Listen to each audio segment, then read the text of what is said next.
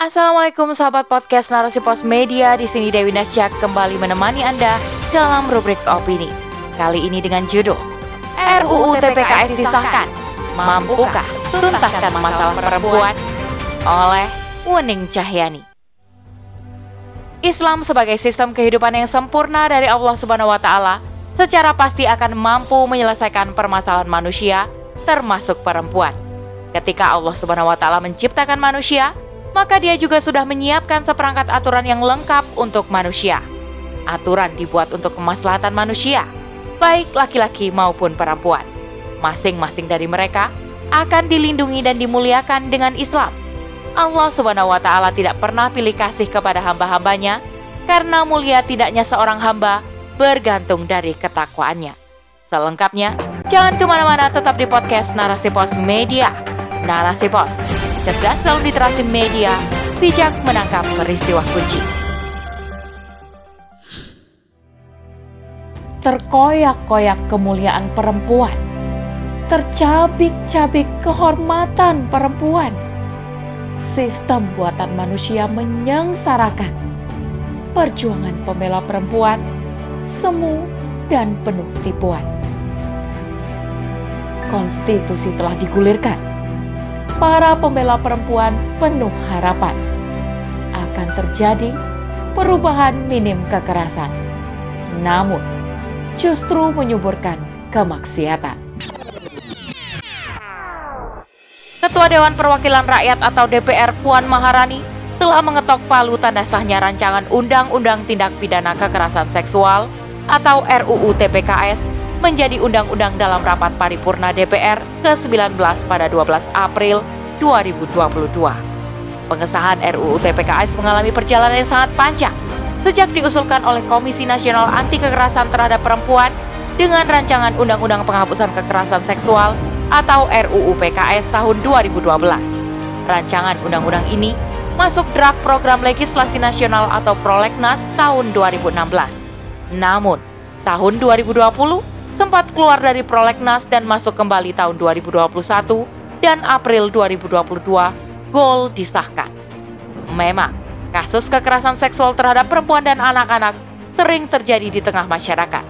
Bahkan, menurut data Komisi Nasional Perempuan bahwa kekerasan terhadap perempuan meningkat sebanyak 792 persen dalam kurun waktu 12 tahun sejak tahun 2008 hingga 2019. Sedangkan payung hukum belum bisa melindungi korban.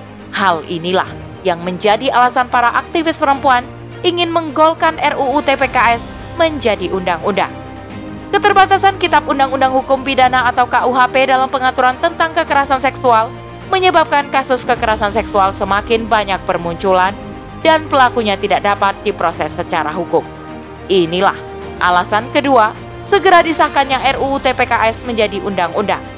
Dan sejalan apa yang disampaikan Asisten Deputi Pemenuhan Hak Perlindungan dan Pemberdayaan Perempuan Kementerian Koordinator Bidang Pembangunan Manusia dan Kebudayaan Rosdiana Iskandar bahwa negara wajib melindungi warga negara dari kekerasan seksual dengan regulasi untuk memperkuat pencegahan dan pengurangan kekerasan seksual di Indonesia. Permasalahan kekerasan terhadap perempuan masih saja terjadi, baik di tempat privasinya maupun di tempat umum baik di dalam negeri maupun di luar negeri. Betapa kemiskinan, pelecehan, penindasan, dan eksploitasi mengungkung perempuan. Hal ini terjadi karena diembannya sistem kapitalis oleh negara-negara di seluruh dunia, termasuk Indonesia. Sistem yang telah mengakar dan menjadi napas bangsa ini secara pasti akan mempengaruhi kebijakan-kebijakan yang dikeluarkannya. Kebijakan negara dalam pemenuhan pangan, sandang, papan, dan kebutuhan publik tidak bisa secara merata dirasakan semua warga negara, termasuk perempuan. Perempuan terpaksa keluar rumah untuk membantu terpenuhinya kebutuhan keluarga. Keberadaan perempuan di luar rumah dari pagi hingga malam memberi peluang pelaku kejahatan mengintai keamanan perempuan. Apalagi mengalir juga nafas liberalisme yang menjadikan perempuan ingin setara dengan laki-laki. Ditambah lagi gaya hidup konsumerisme yang mengitari perempuan. Hal ini mendorong perempuan berkarir di luar rumah. Tidak diterapkannya sistem pergaulan yang benar, menjadikan perempuan hanyut dalam hubungan terlarang dengan lawan jenis. Kondisi ini pun bisa membuka peluang bagi perempuan mengalami kejahatan seksual. Tidak heran jika pelaku kejahatan selalu mengintai perempuan di mana pun mereka berada dan kapan saja, karena sistem sanksi yang tegas pun tidak diterapkan. Dan ini juga menjadikan para aktivis perempuan getol meminta perubahan rancangan undang-undang menjadi undang-undang. Semua ini berpangkal dari negara yang jauh dari Allah Subhanahu wa taala. Sekularisme menempatkan agama di masjid-masjid dan musola, sedangkan urusan negara dijauhkan dari agama. Oleh karena itu, sampai kapan pun masalah manusia termasuk perempuan tidak akan pernah tuntas penyelesaiannya jika negara masih menganut sistem buatan manusia, yakni kapitalisme sekularisme.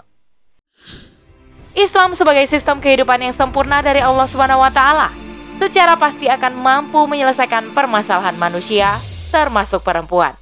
Ketika Allah Subhanahu wa taala menciptakan manusia, maka dia juga sudah menyiapkan seperangkat aturan yang lengkap untuk manusia. Aturan dibuat untuk kemaslahatan manusia, baik laki-laki maupun perempuan. Masing-masing dari mereka akan dilindungi dan dimuliakan dengan Islam. Allah Subhanahu wa taala tidak pernah pilih kasih kepada hamba-hambanya karena mulia tidaknya seorang hamba bergantung dari ketakwaannya. Sebagaimana firmannya dalam surah Al-Hujurat ayat 13 yang artinya, Hai manusia, sesungguhnya kami menciptakan kamu dari seorang laki-laki dan seorang perempuan dan menjadikan kamu berbangsa-bangsa dan bersuku-suku supaya kamu saling mengenal. Sesungguhnya, orang yang paling mulia di antara kamu di sisi Allah adalah orang yang paling bertakwa. Sungguh, Islam memuliakan perempuan sejak hubungan perempuan dengan dirinya sendiri, hubungannya dengan keluarga, lingkungan masyarakat, hingga negara. Dalam hubungan perempuan dengan dirinya sendiri, maka Islam telah menetapkan aturan bagi perempuan untuk menutup aurat secara sempurna dengan mengenakan jilbab dan kerudung. Adapun hubungan perempuan dengan keluarga, maka posisinya sangat mulia. Perempuan sebagai ibu dan pengatur rumah tangga. Allah Subhanahu wa taala menjanjikan pahala besar terhadap peran perempuan ini. Dalam hubungannya dengan lingkungan, maka ada peran untuk melakukan perbaikan di tengah masyarakat. Karena perempuan hidup berbaur dengan orang lain, maka ia punya kewajiban amar ma'ruf nahi mungkar sebagaimana dilakukan juga oleh laki-laki. Dalam hubungannya dengan negara, maka negara punya kewajiban menjamin kebutuhan pokok warga negaranya, termasuk perempuan. Demikian juga pemenuhan terhadap kebutuhan publik. Negara akan menjaminnya seperti pendidikan, kesehatan, dan lain-lain.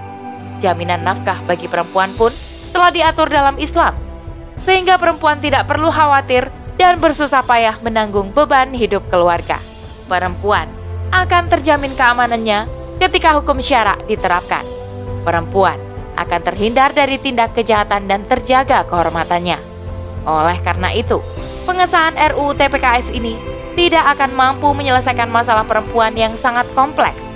Justru, RUU TPKS kental dengan liberalisme yang mengancam peradaban manusia. Sudah tiba saatnya umat Islam kembali kepada aturan Allah Subhanahu wa taala yang akan melindungi dan memuliakan manusia, baik laki-laki maupun perempuan. Wallahu a'lam bishawab. Demikian rubrik opini kali ini. Sampai bertemu di rubrik opini selanjutnya.